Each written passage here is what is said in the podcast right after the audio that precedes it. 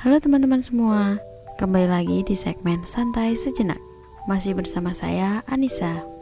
Kita semua pasti pernah merasa emosi, baik emosi positif maupun negatif. Kali ini, mari kita bahas tentang emosi negatif. Emosi negatif itu seperti merasa kesal, sedih, marah, atau bahkan dendam dan iri dengan orang lain. Emosi seperti itu yang terkadang berdampak negatif pada diri kita maupun ke orang lain. Tidak jarang, ketika kita mengalami emosi, kita langsung mencoba untuk melawan. Tidak jarang juga usaha kita berujung sia-sia. Tapi menariknya, ketika kita semakin melawan emosi kita, semakin emosi kita tidak mau mengalah, dan dampaknya adalah kita merasa lelah dan pekerjaan akan terganggu karena kita sibuk dengan diri kita sendiri dan emosi negatif yang kita rasakan. Sebenarnya cara melawan emosi tersebut kurang efektif. Lalu, bagaimana cara yang lebih efektif? Cara yang efektif justru adalah berbalikan dengan melawan. Ya, menerima emosi. Maka, emosi yang dirasakan akan berhenti dengan sendirinya. Kali ini kita akan membahas tentang bagaimana cara agar pikiran dan emosi negatif bisa berhenti. Jawabannya simpel sebenarnya, teman-teman. Jangan dilawan. Jangan memperdebat emosi dalam diri. Cukup amati saja pikiran dan emosi, lalu terima emosi negatif itu. Karena perlahan-lahan sebenarnya emosi itu wajar dan hal itu akan hilang dengan sendirinya. Mengamati dan menerima emosi negatif ini. Kondisi seperti ini biasanya disebut dengan kondisi mindfulness.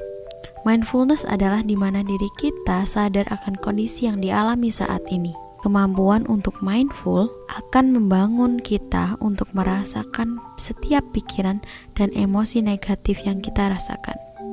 Kenapa kita perlu kemampuan itu? Karena perasaan kita butuh untuk dipahami dan dimengerti. Daripada dilawan, lebih baik kita mengamati, memahami, dan mengerti. Karena nanti emosi itu akan hilang dengan sendirinya. Lalu bagaimana cara menerapkan mindfulness? Berlatih meditasi. Kita diajak untuk fokus kepada objek meditasi. Objek meditasi dapat dari hal sederhana, seperti bernafas tapi kali ini objek meditasi kita adalah emosi negatif. Emosi sebenarnya suatu sensasi yang kita rasakan. Sensasi dari dalam otak yang merespon pada hal-hal yang terjadi. Jadi, ketika otak kita sudah mendeteksi keadaan sekitar, menyenangkan atau tidak, otak kita akan mengeluarkan chemical reaction dalam bentuk emosi. Emosi ini akan menghasilkan sensasi yang berbeda-beda seperti ketika kita merasa kesal atau marah dengan seseorang. Itu akan muncul dalam bentuk sensasi yang dirasakan oleh badan kita.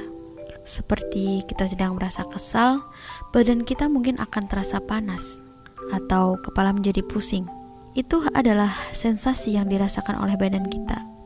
Memang tidak sejelas seperti sentuhan fisik, tapi hal ini jauh lebih abstrak. Sebenarnya terasa bukan? Di dada terasa deg-degan, kepala kita terasa penuh jika kesal. Sensasi ini sebenarnya bisa dijadikan sebagai objek meditasi untuk mencapai mindfulness. Lalu bagaimana cara menerapkannya pada kehidupan sehari-hari? Saya akan memberikan cara yang lebih sederhana. Pertama, ketika merasa marah, sedih, cemas, atau ketika merasa diri tidak stabil, daripada untuk mencoba melawan, lebih baik sisihkan waktu sebentar saja. Tidak perlu lama-lama. Cukup 5 hingga 10 menit untuk melakukan meditasi. Ambil posisi duduk yang nyaman, tutup mata perlahan-lahan dan tarik nafas yang dalam. Coba untuk mawas diri dengan emosi negatif yang sedang dialami. Kalau kalian marah, terima terlebih dahulu. Perhatikan sensasi yang hadir dalam diri. Tidak perlu merubah sensasi yang dirasakan, tidak perlu menolak. Amati saja dan terima sensasi itu, dan biarkan sensasi itu tetap ada. Dan setelah itu, ingat bahwa emosi yang kita rasakan hanya bersifat sementara. emosi itu naik turun, pasti nanti akan datang dan pergi seakan-akan seperti ombak di pantai.